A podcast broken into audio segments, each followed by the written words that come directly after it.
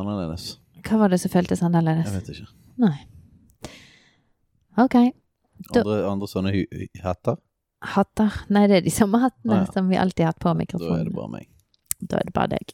Det er rett og slett kveldsvibbene som har begynt å slå inn. Har du begynt å ta opp?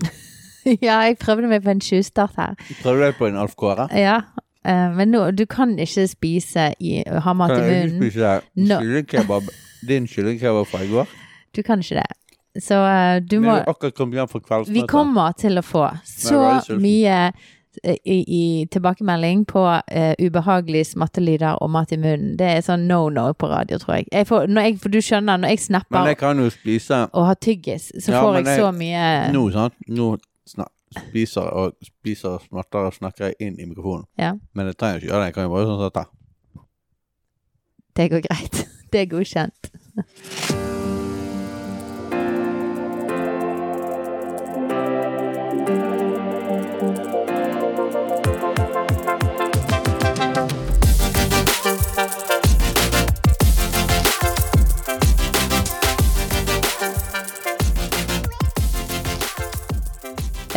Nei, men eh, hei, folkens, og hjertelig velkommen til Mammas hjerte-podkast. Da er vi på igjen. Eh, Katrine, Ja. vi har mulighet til å gjøre sånn som jeg snakket om. Sånn, eh, sånn eh, pl- pl- plogging. Pl plogg. Oi, vi er på plogging i dag igjen. Ja, nå er det Å, spising. tid. Og nå kom Naomi mens vi tar opp. Det var gøy. Nå er det akkurat som familien L, Naomi, bare at vi ikke har kamera. Hei, Så- Naomi. Hva er det du, hva er det du hva, Hva er du det du uh, trenger hjelp med? Isbiter. Du er jo isbitdronningen. Nå er det blitt sommer igjen, og Ja. da må du begynne å lage isbiter. Kan du stå for isbitlagingen? Saft med isbiter. Men de kommer ikke til å bli ferdig nå i kveld, hvis du har lyst på det nå. Ja, til idrettsdagen på tirsdag. Ja, men da vi må få kjøpt Absolutt. Hvis vi har isbitposer, sant. Jeg må kjøpe isbitposer. Jeg skal skrive det på handlelisten med en gang. Isbitposer. Sant? Og da må vi gjøre Og, Da må vi og vann. Vi har poser. OK, hva er det du da trenger? Å Skal du bruke det giftige vannet vårt, eller skal du bruke det Olden-vannet vi får gratis i butikken? Har vi fortalt om det på podkasten? Ja. Jeg, Om vannet? OK? God natt, skatten min. Vi er altså Vi vi, er, ikke- vi er Altså- direkte inne ifra uh, kveldsvibber. I dag prøver vi oss på et nytt konsept. Vi prøver oss på kveldsvibber, for dere vet vi har snakket om eh, litt tidligere i noe, noen, for noen episoder siden dette med at Steinar han eh, har mista alt eh, av kreativitet og fremtenkthet klokken åtte om morgenen. Så eh, da må vi prøve å gripe han i, i, mens tiden løper, før tiden løper fra oss her på kveld, kveldstiden når kreativiteten er på topp. Så er du på topp? Ja. Nå er klokken ti over halv elleve. Jo da. Jeg er mye bedre flow nå. Ja. Men nå har jo vi hatt Det er til og med plogging på gang. kveldsmøte, sant. Nå har jeg akkurat kommet hjem fra Vi har to møter hver søndag i menigheten. Nå har jeg akkurat kommet hjem fra kveldsmøtet. Og i går fikk ikke vi vært sammen, og på fredag kveld fikk vi ikke vært sammen. Så dette er vår eneste tid. Og klokken er allerede halv elleve, og andre folk har jo allerede lagt seg nå. Vi legger oss ikke så tidlig, men så skal vi presse inn en podkast i tillegg der. Ja, så vi må Og få jentene i seng. Det har vært en litt eh, spesiell helg, så vi eh, Og det er jo alltid spesielle helger, jeg skal aldri skylde på at liksom men, eh, men jeg føler det, det, det skjedde litt ting, så vi skal gå inn i det som var uplanlagt. eh, så derfor Samtidig må jeg spise litt eh, kveldsmat her. Ja.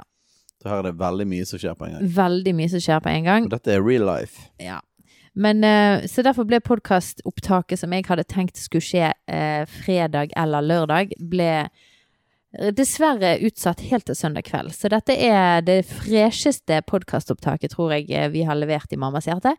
Eh, rett på tampen.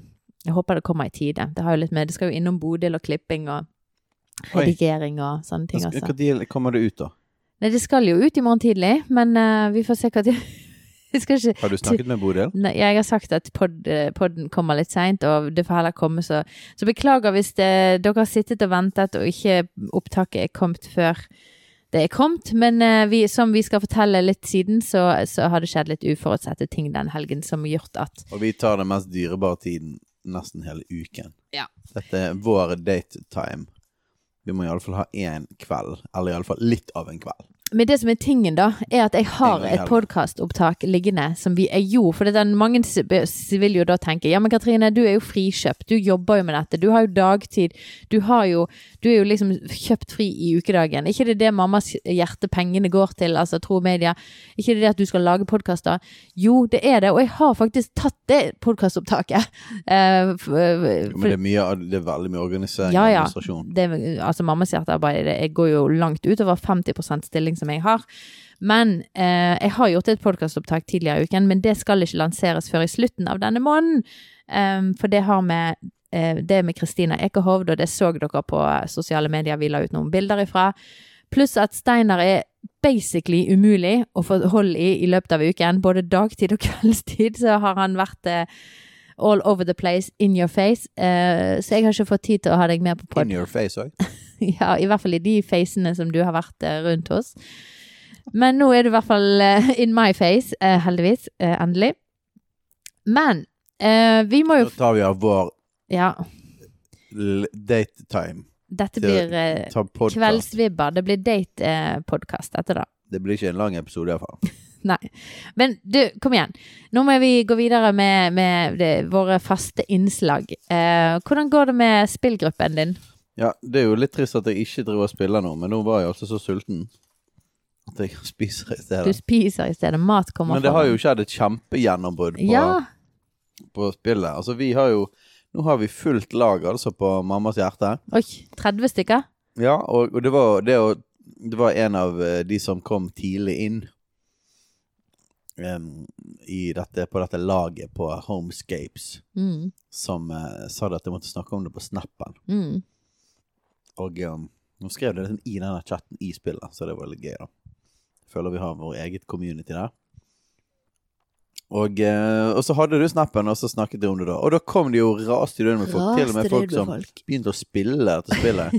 og måtte komme Veldig seg opp i leveler for å komme liksom Du måtte inn og gjøre noen justeringer på innstillinger, for folk Ja, eh, kunne ikke komme inn før de hadde kommet til level 500 et eller annet så du justerte det ned til 39 eller noe Ja, det var også var det minste. Ja. Så det er jo litt sånn kjekt, da. Ja, er det noe eh, Vinner dere noen kamper? Jo, vi er, nå er det ny sånn her gruppeturnering, og vi er leder. Ja, Wow. Det, altså, det er god, god flow på det. Så kanskje vi må ha en egen sånn meetup bare i den gjengen. Du skal dra rundt og ha meetup med spill Homescape? Med Mammas hjerte Homescape. Det er en sånn under sub-gruppe under Mammas hjerte. Ja, Linda er jo blitt noe, litt sånn sub-gruppering sub, eh, av Mammas hjerte. Hun drar jo rundt og har egne eventer, hun nå. Når hun er jo i Norge et par uker til, så har hun Ja, så Mammas hjerte-treff rundt omkring i Det er veldig Så det koselig. er jo nydelig. Så, så Linda skulle ha vel borti Tønsberg nå, skulle hun ha et treff eh, til uken. Så det blir jo spennende. Så hvis du bor i Tønsberg-området og vil treffe mm, Linda, som er da fast i Mammas hjerte og bor til vanlig i Kenya, og forteller litt om misjonsarbeidet, så sjekk ut sosiale mediene våre, så skal du finne ut hvor Linda treffer dere. Yes! Oi, du knitrer og knutrer der borte med kebaben. Kald kebab fra i går. Så det drar oss jo egentlig over på eh, tematikken som For dette, den kebaben er fra en hendelse i går. eh, som, eh, som gjorde at eh, det, var, det var litt mye styr. Uh, hvor skal du begynne, holdt jeg på å si? Vi, uh, meg og min søster hadde en uh, Vi går jo til stadighet tur med disse to samojedene våre. Hundene våre. Min søster har en lik eh, rase, bare at han er ti år eldre enn det Pepsi er. Så vi har mye gøy, meg og Silje. Vi elsker å gå på fjelltopper, og eh, vi, vi pleier å gå disse syv sant? Bergen er omgitt av syv fjell. Eh, Pleier det å Så du går litt mer på fjellet enn eh, jeg har oppfattet. det. jeg har et mål Det var litt sånn, det var litt sånn Instagram Nei, nå eh, må du gi deg. Jeg har et mål, og jeg har jeg det eh, i hvert fall ett år. Men mitt mål jeg, og, sant, Det er jo en sånn greie i Bergen at man, man går sy, syfjellsturen på en dag. Det er liksom mange folk som går sånn alle de syv fjellene på en hel dag. Jeg syns jo det høres helt horribelt ut.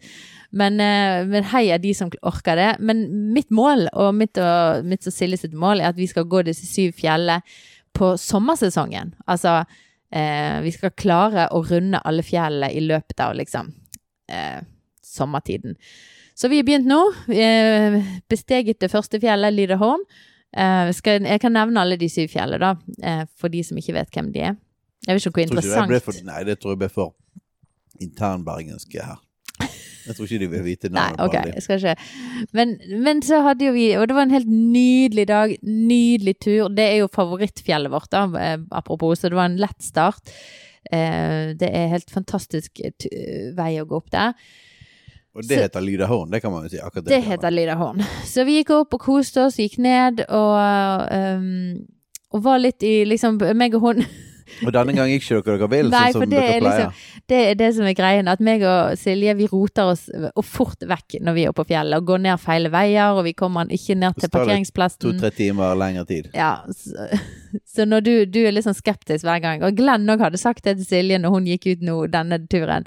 Ja, vær forsiktig nå, da, så ikke du kommer ned på feil side av fjellet eller noe sånt.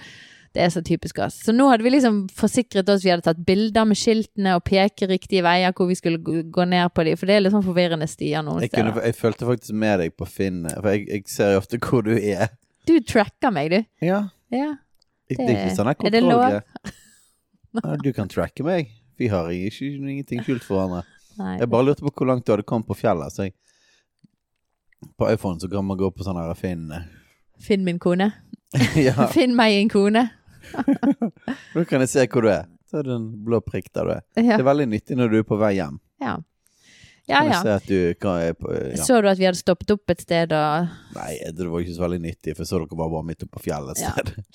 Nei, så på vei nedover der, så begynner det å rasle litt i en busk, og hundene selvfølgelig Vi går jo litt i egne tanker og prøver å finne den rette stien å gå på, og ler og hoi- hoier og tar litt video og tøyser. Silje, hun er jo hun er jo sånn Hun er jo enda mer eh, Jeg vet Silje lytter til den podkasten, så nå henger jeg deg ut her, Silje. Men du er jo en, en, iherdig Instagram-bildetager med hund og eh, og det, det skal stoppes og tas bilder i alle former og fronter, og det er veldig, veldig koselig. Du er veldig flink, hun, eh, hun tar skikkelig fine bilder. Um, så det blir jo litt bildetaking, og vi går og suller i vår egen lille verden. Og så plutselig hopper jo da hundene begge to inn i en busk. For dette, der ser de at det skjer noe. Vi skjønner at det er et eller annet dyr inni der som beveger seg. Og vi tenker oi, ja, her er det sikkert en eller annen mus eller en frosk eller et eller annet. Så vi lar nå de holde på litt, og så rykker Pepsi til, da. Um, og tydeligvis et eller annet som har truffet han. For jeg kjenner at det er litt sånn dunk, at det er et eller annet som treffer han. Og så med en gang etter det så ser jeg at det snoker seg en hoggorm. Eh, For rett foran de, og så inn i et hull i da, bakken, som tydeligvis var et eh, hi. Og da eh, tenker vi bare søren, altså. Er han nå blitt bitt av hoggorm? Det er jo kjempestress. Altså, det er jo så mye de tar, Det er jo kjempealvorlig. Eh, det, det er vel sånn at det dør så og så mange hunder av hoggormbitt i, i år og sånn. Det er jo det man er, det er jo skrekken, liksom, når man går på fjellet og møter på hoggorm. Bare møter på de, men òg blir bitt av dem. Og det er jo masse sånne greier man skal passe på. Sant? Man skal egentlig holde hunden i ro, og helst bære den ned av fjellet hvis det, hvis det er mulig. Sant? Nå er det ikke mulig med en så stor hund når det skal gå ned denne kronglete stien og bære den ned. Men vi liksom, ok, nå må vi bare komme oss ned til bilen. Vi, vi ringer til eh, mannen til Silje som, som eh, googler litt, og, og hva er det vi må gjøre, og hva er det vi skal se etter av symptomer. Eh, så vi eh, følger godt med, og vi ser fort at Pepsi er eh, ikke seg sjøl. Altså, han er jo en hund som er på high speed. Han, han er Altså, for å si det sånn, han har aldri gått så pent i bånd som han gjorde etter han var blitt av ho- hoggorm. Så det var litt sånn Vil jeg ha en hund som går så fint i bånd og er syk? Eller vil jeg ha en frisk Pepsi som er utrolig strevsom å gå ned fra et fjell med fordi at han drar deg nedover fjellet? Men, men vi merket jo fort at han var ikke helt seg sjøl. Og så når vi kommer litt lenger nedover, så ser vi at han begynner å hovne litt opp i leppen. Og han er fremdeles ikke helt eh, Går med halen mellom beina og er litt sånn daff.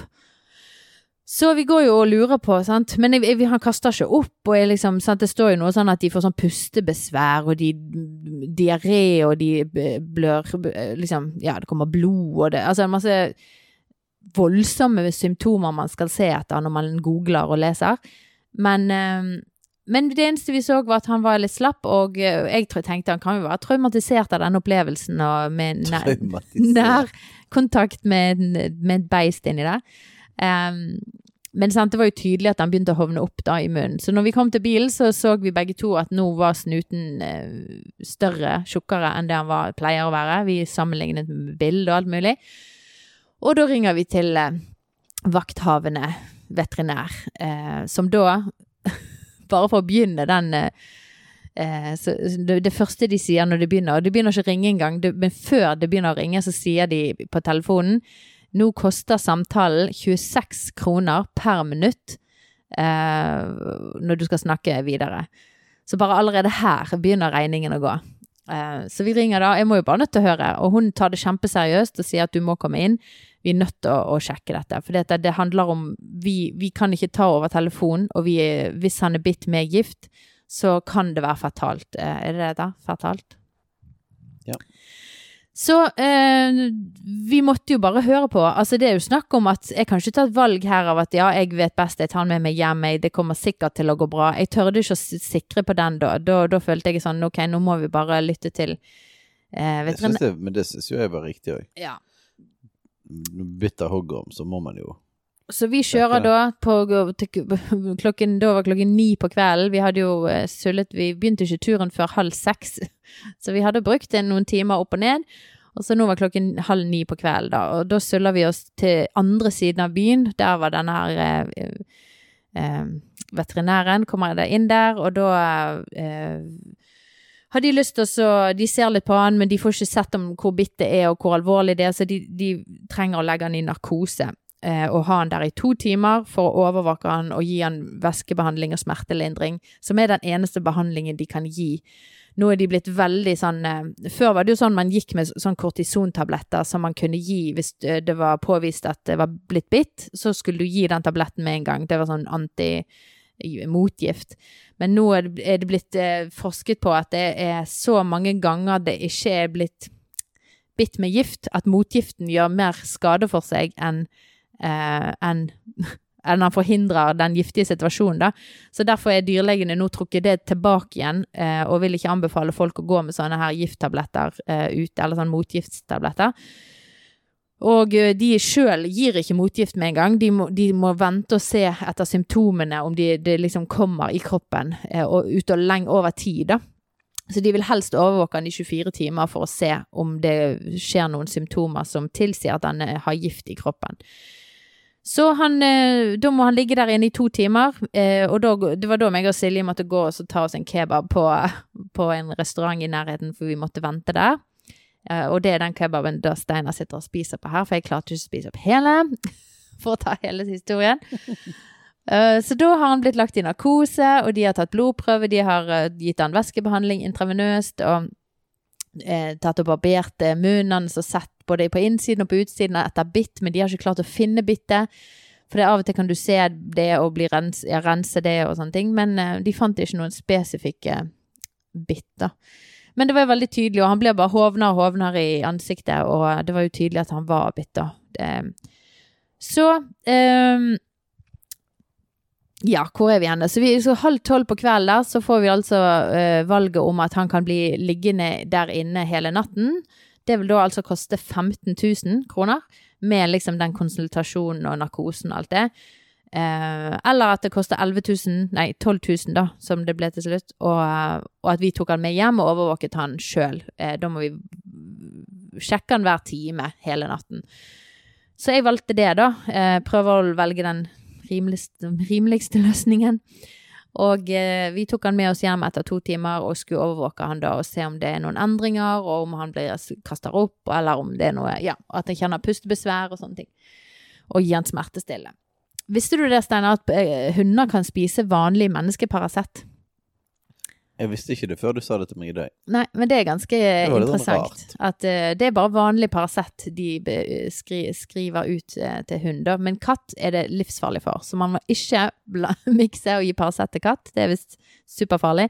Men til hund så funker det. Så til alle hundeeiere der ute, så er visst det Ja. Men selvfølgelig, mengdeberegning, det er jo litt vanskeligere. Det er jo ikke det samme som til hund og til menneske, da. Så ja. Men hvor mye får han nå, da? Nei, han får 500 milligram en, en, en tablett. tablett. Ja. Og han er altså 22 kilo.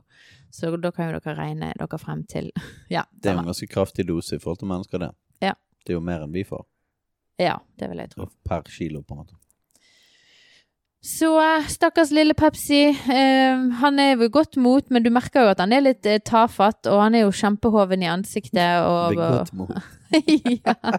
Er det rart at jeg sier det? Nei, det er litt sånn Vi har jo snakket om det før, med den flåtten som sto og sugde livet ut av eh, deg og din sjel. Så bare sånn her Han er ved godt mot, så tenker jeg Det du egentlig sier, er vel at du er ved godt mot. Jeg er ved godt mot. Men det er, Han er nå bare ligger nå bare der. det er morsomt med ungene, for det, de var sånn Å, mamma, du, er så- du, er så, du er så mye mer glad i Pepsi nå når han eh, hadde vondt enn til vanlig. Ja, det er så sant.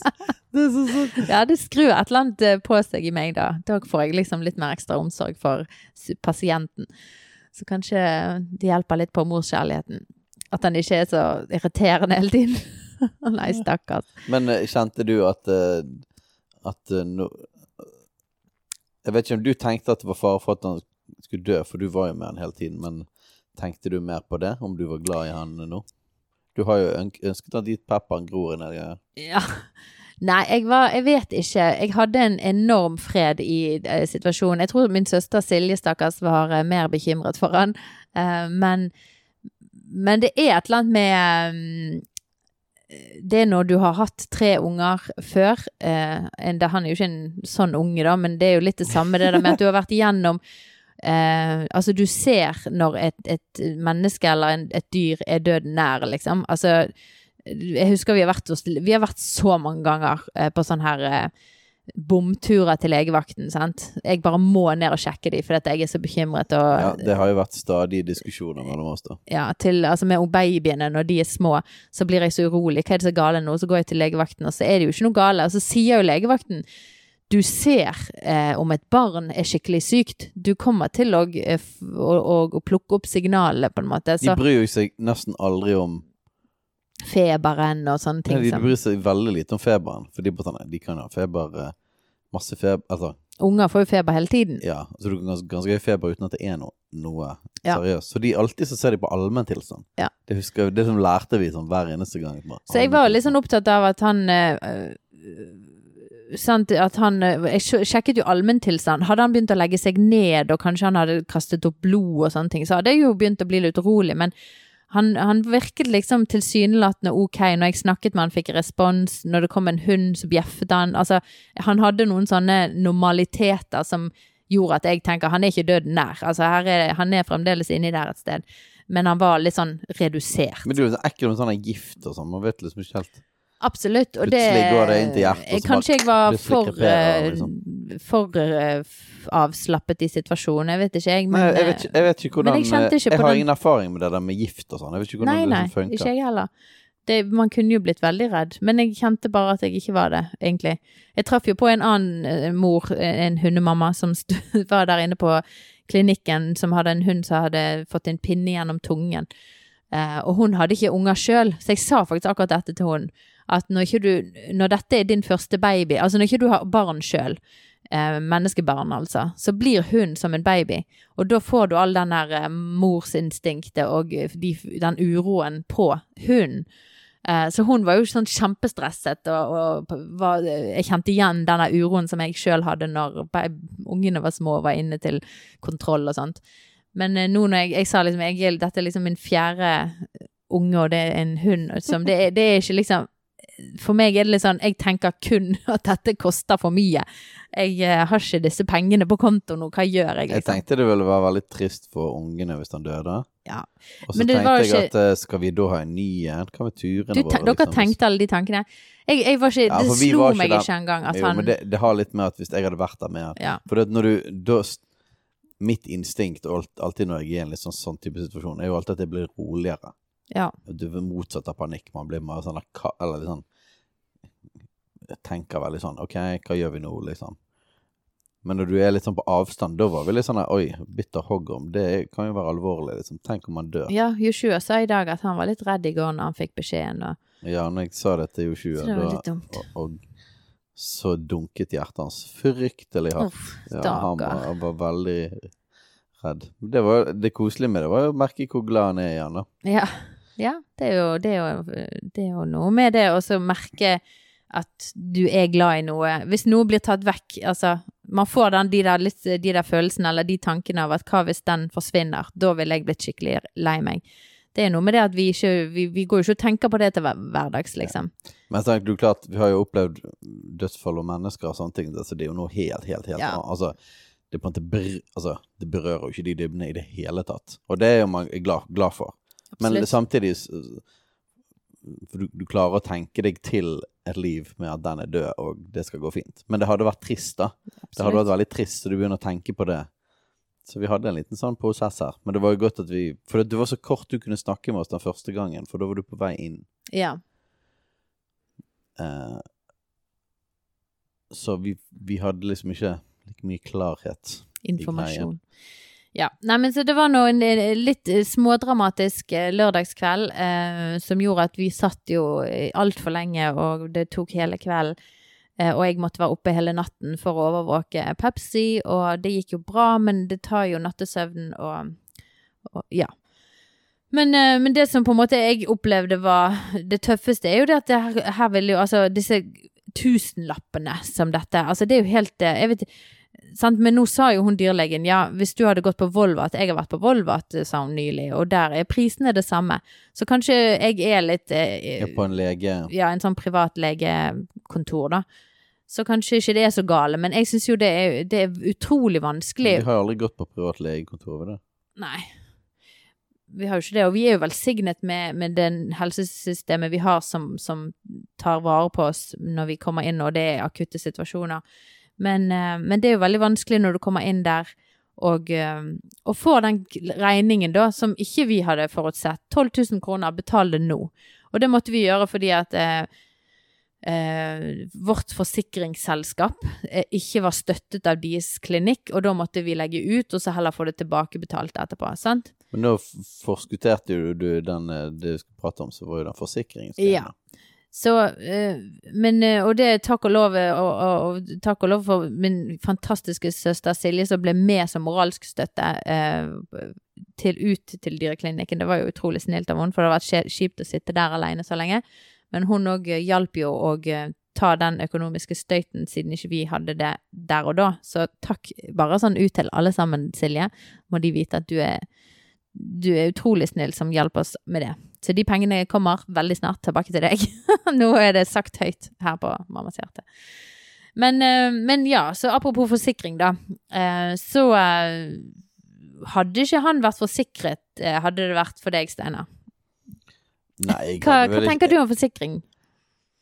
Nei, for det første hadde jeg nok aldri engang Jeg tror ikke jeg hadde engang tenkt tanken at det gikk an å forsikre han. Jeg har sikkert hørt at det finnes det, liksom. Men det, nei, det er ikke i min verden engang. Det er litt som å vaske ned huset. Ja, ikke, ikke, ikke få oss inn på den tematikken igjen. Oh, ja. det, men Altså nedvask. Fullstendig nedvask for de som hørte denne episoden. Men eh, Nei, så det er, liksom, det er liksom ikke i min verden engang, da. Ja. Å forsikre hund.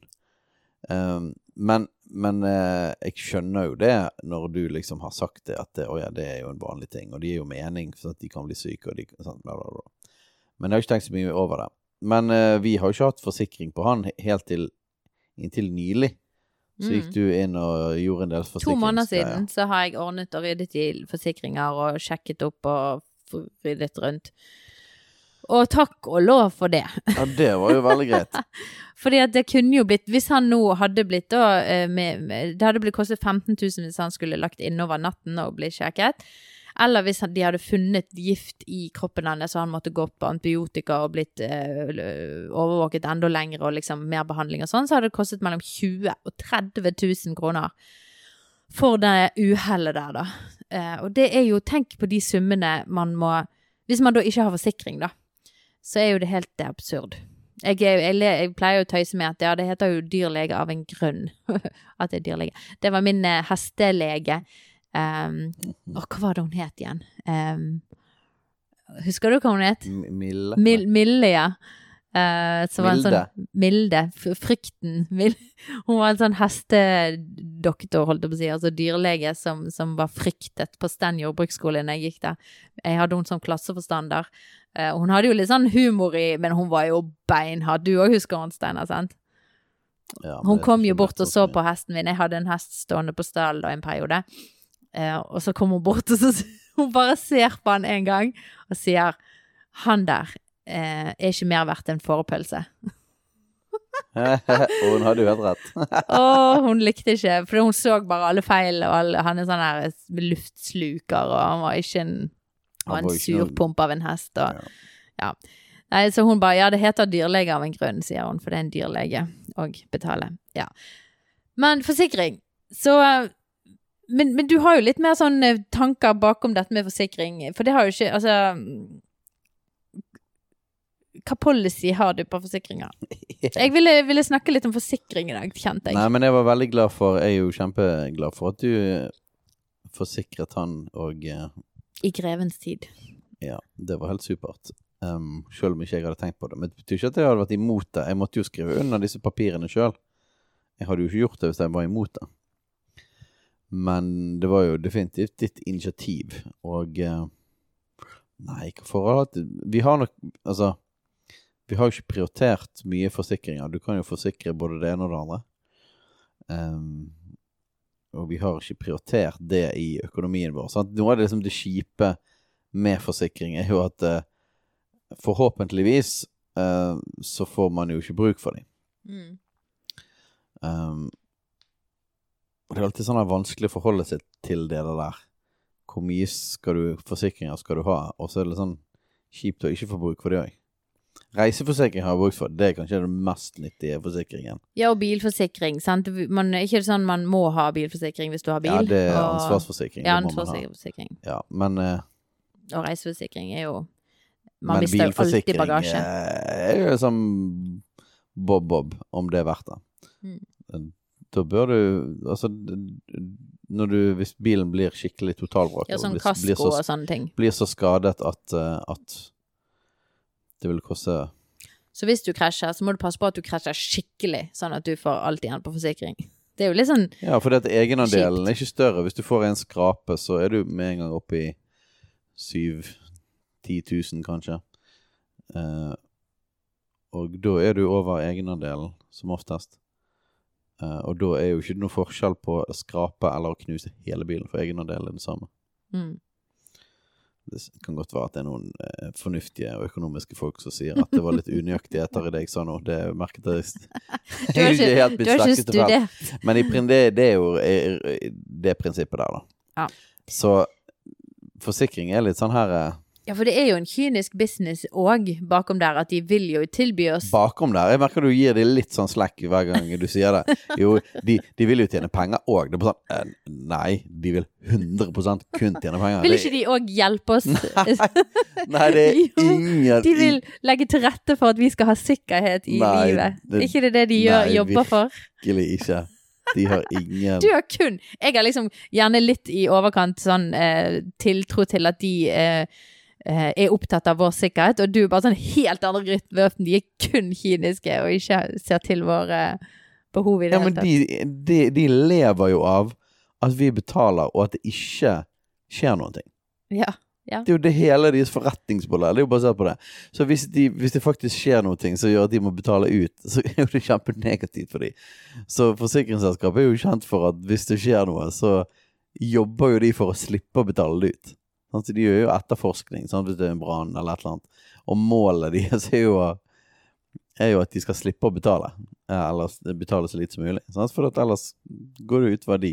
De har jo ansatte og Hele ja, forretningsmodellen er basert på at vi betaler de, og at det ikke skjer noen ting. Og det så, så Men det er helt greit. Altså, det er jo, det er jo, jeg mener ikke at det er noe galt med den businessen, men den er jo Det som gjør det litt mer ubehagelig enn andre ting man gjør for å tjene penger, er jo at, at det lett kan spille på frykt, da. Mm. Og uh, dette er ikke forsikring, men det er litt den følelsen som når vi fikk vårt første barn. Og når uh, hun eldste da var uh, Ja, hvor gammel var hun? Hun var et par uker. ja, to uker knapt. Så ringer de, da, Telefonselger fra Norsk Krybbedødforening, og sier da at eh, vårt barn er liksom akkurat i den mest eh, kritiske fasen i forhold til krybbedød og sånn. Og liksom vil at vi skal støtte ja, veldig, og akkurat der er de kyniske, jeg er enig i det. Å ringe på den mest sårbare tiden av liksom Ja, og det var jo ikke forsikring, da, men det er, er liksom et eksempel på litt det som området vi kan være inne på, da. Ja. At, du, at du spiller på frykt hos folk. Um, og da får jeg jo litt sånn Det virker litt motsatt på meg, da. Uh, når noen pusher på og spiller på frykt. Da Hva gjør du da? vil jo jeg heller gjøre motsatt, da. Da skal du i hvert fall ikke forsikre deg. Nei, men jeg, jeg har ikke noe imot forsikring, så det, jeg skal ikke late som at, det, at dette sånn har vært Men vi har ikke vært godt forsikret før de to siste månedene, for å si det sånn. Nei, men det har hatt mest med økonomi å gjøre. Mm. Um, men jeg har nok eh, litt sånn motvilje òg på det. Jeg tror kanskje det er en typisk manneting òg. Ja, er det det? Jeg lurer på, folkens, dere som dere, Hvordan er det hos dere? Med, er dere veldig enig med dette med forsikring og sånne ekstra ting, eller er det noe som har vært et samtaleemne? Altså, jeg lurer jo seriøst, for dette, det har jo vært litt for oss en sånn greie, da. Det har ikke vært noe stor ting, men eh, Nei, men jeg har hatt øh, gjerne oftere behov for å ha orden i de sakene enn det du har. tror ikke du at det ligger litt, litt sånn Ja, men kanskje det er samme det, Kanskje det er en risikogreie, da? Ja, Trygg, risiko. trygghet i forhold til risiko. Ja, at det er noe mann-kvinne-greier der. Ja. Kanskje det. Og eh, vi har ikke veldig mye tall og eh, Dette er bare statistikk synsing ifra kveldsvibber Eh, med men, Steinar eh, Katrine. men det vil ikke overraske meg. Det, det vi iallfall vet, er det at det er mye flere menn som ikke går til legen raskt og, og drøyer. Jeg leste, jeg leste i avisen, en eller annen avis eh, denne uken at det, det var en som bare sånn her eh, Konen sa 'nå går du til legen, ellers, ellers, ellers uh, ringer jeg og får en legetime til deg'. Og så gikk han, da, og så reddet det livet hans. Oi, For han hadde sånn drøyet en sånn greie. hjelpe meg. Det er, ganske, det er det ganske mange historier på, da. Ja. Um, så jeg vet ikke, det er en sånn slags motvilje mot å ja, men jeg er jo òg enig med det at eh, eh, hvis vi skal dra det over i litt dypere ting, da, så har jeg eh, Jeg har jo på en måte heller ikke ordnet opp i disse tingene egentlig før, for jeg har Jeg har ikke syntes at man skal legge sin, sin ultimate, sin grunnleggende både trygghet og livstillit, da, til eh, sånn som økonomi eller eh, eh, forsikring og alle disse tingene. Eh, jeg syns at vår, vår indre ro og vår indre trygghet skal være i noe annet. Og så kan man gjerne ha godt med økonomi og sparing og forsikring i tillegg, hvis eh, Ja, sant. Men, men for meg har det vært viktig at jeg, jeg har orden på hvor jeg putter min trygghet og tillit først. Og så kjente jeg da plutselig at eh, eh, Det var vel nå i vinter jeg begynte å kjenne at ok, nå, nå eh, No, det En ting er å, ha, å, å, å legge sin lit til Gud og eh, be Han om eh, langt liv og trygt liv og økonomisk favør og økonomisk trygghet. Men og så, eh, så på en måte har vi vår bit som vi òg skal sant? Vi er jo forvaltere, og vi skal ta ansvar for vår, det vi kan ta ansvar for. Så jeg kjente litt Det var jo derfor jeg tok litt tak i det da i vinter, at jeg kjente litt på at ok, vi, vi må i hvert fall gjøre det som vi kan. Eh, og nå var vi i en situasjon, gjerne litt sånn økonomisk, hvor vi kunne ta noen tak og endre på litt ting. Og da eh, eh, Men at det er ikke i utgangspunktet eh, kilden til det som er trygghet i livet og i familielivet. Eh, er du er uenig med meg, eller enig med meg i det? Nei da, jeg, jeg er med på det. Um, vi ligger ikke langt Vi klarer ikke å få en sånn heftig debatt mellom meg og deg på disse tingene. Det blir ikke sånn Men det er klart det at vi Nei, men jeg tror at det er mange med, hvis, hvis det Hvis det eh, Hvis Ola Normann ikke har eh, hytte, båt, barne, livs, eh, ja, ja. reiseforsikring, så kan han òg plutselig kjenne på at oi, her er det noe hakkende gale, jeg eh, tenker hvis noe skjer, og så blir, kommer det frykt inn i bildet. Men jeg lurer jo på hva, hva er det vi bygger Absolutt. livene våre på? sant? Absolutt. Ja, ja, ja. Er det at vi har sparekontoen full, eller er det det at vi kan ha sparekontoen tom, og så har vi allikevel en opplevelse av fred og trygghet på innsiden? Ja, ja, der er jeg jo 100% enig. Jeg bare snakker ut til noe som jeg eh, eh, enser er en trend, da, av at vi, vi søker til gjerne feil kilde av eh, trygghet i livet. Ja, vi har jo opplevd så mye umulige økonomiske Ja. situasjoner som vi har opplevd Gud gripe inn i, at, eh, at det er liksom blitt en så stor del av livet vårt. Altså, for å si sånn, denne podkasten hadde ikke vært engang hvis det ikke var for sånn. Altså, at, du jobber i tro media er en, en sånn ting. At det huset vi sitter i, er et mirakel. Altså, jobbene våre, menigheten. Eh, vi hadde jo en situasjon for ikke så lenge siden med en sånn mur i nabolaget, og en litt sånn umulig situasjon med at kommunen krevde at den skulle rives ned, og at det ville koste 1,5 til 2 millioner fordelt på fem husstander. Som vi bare måtte spytte ut penger der Ja, og da, liksom. Og vi, vi har ikke de pengene. Og, eh, Ingen av naboene våre har de pengene. ja, Ja. sant? og vi, vi hadde ikke penger heller til å låne på hus til, for vi er maks opplånt, sant? for det vi hadde ikke. Sant? Det er en lang historie. Men eh, sant? Og da er det jo ikke så mye vi kan gjøre med det. Det kan du ikke forsikre deg mot heller. Mm. Eh, og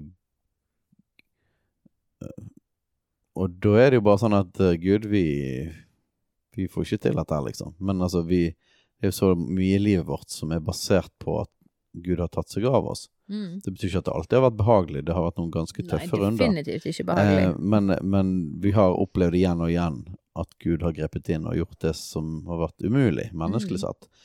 Og det er jo klart at det gjør noe med tryggheten. Altså, Tryggheten vår ikke i sånne ting som forsikring og andre ting. ja, det er det eh, jeg, jeg, jeg kommer litt fra der, da. Og igjen så skjer, skjer det jo et under der, der plutselig kommunen snur, og, og naboene sier at dette må være liksom han der oppe, og mener at det er våre bønder bønnesvar, ja. eh, som har gjort dette. Og, og vi bare sånn Ja, neimen vi vi hadde fred hele tiden, for det var ingenting vi kunne gjøre noe med det. Men vi har liksom, det bare gir ikke meningen at dette skal være det som tar oss ut nå. Ja. Eh, og, og så Og så skjer det noe der igjen. Og det, så, vi har opplevd så mange sånne ting. Så liksom det som kommer til å liksom gjøre om vi klarer oss eller ikke, det, det er ikke forsikring. Eh, men så, så lenge det er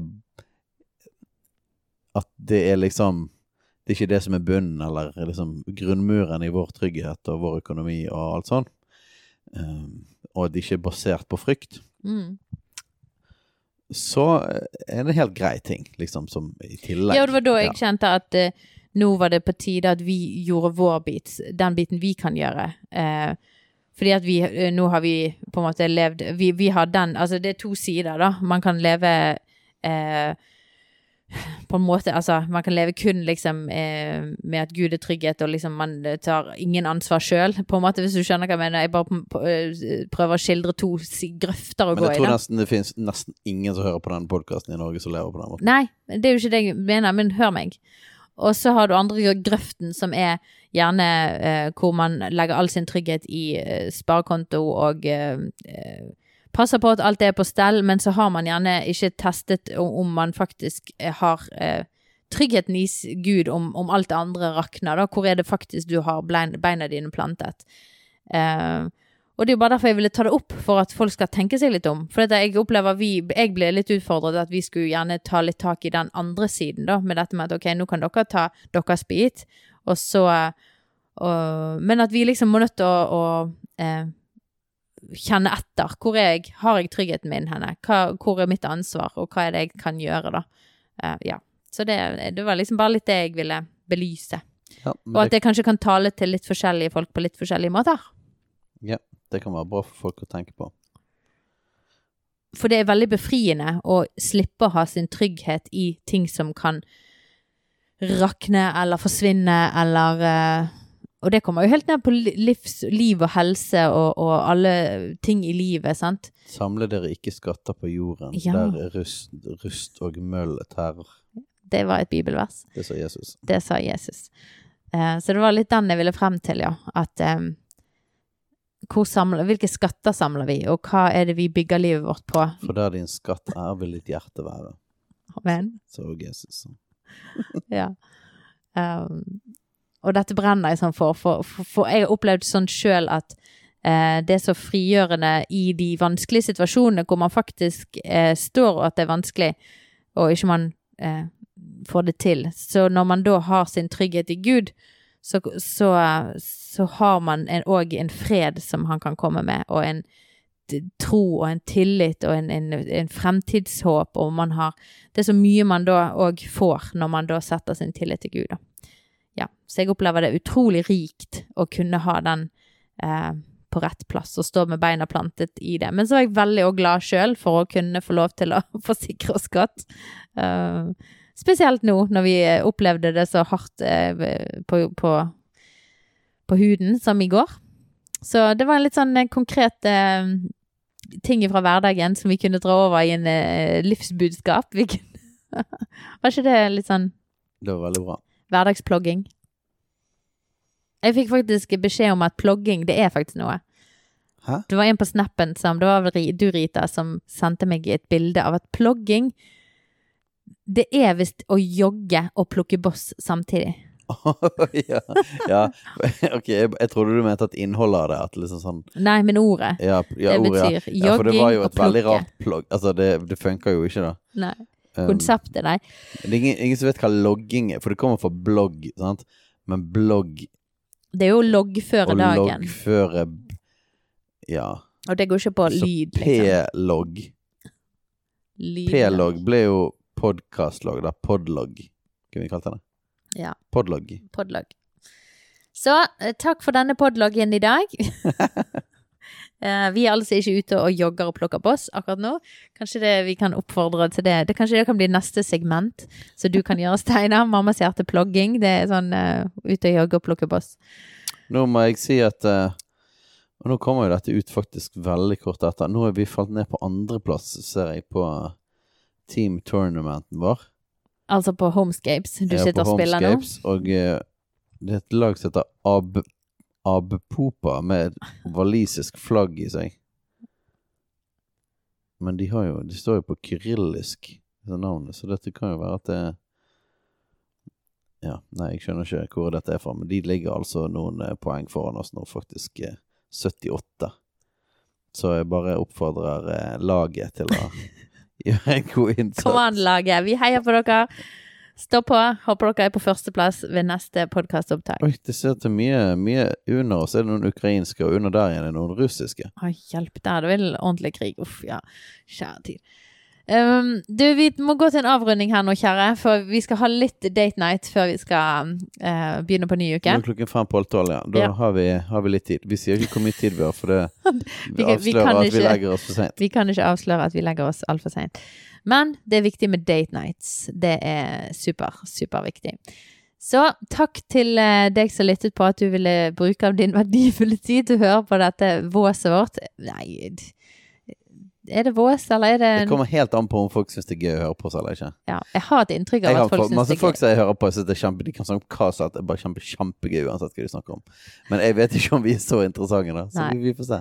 Skriv til oss eh, hvis dere har forslag til tema vi kan ta opp, eller et konkret situasjon, eh, dilemma dere har lyst til at vi skal ta opp. Skriv inn til Mammas hjerte, post alfakrøllmammasihjerte.no, så syns vi det er kjempegøy å drøfte det her i podkasten. Takk for nå, og så høres vi i neste episode. Hell, ha det bra!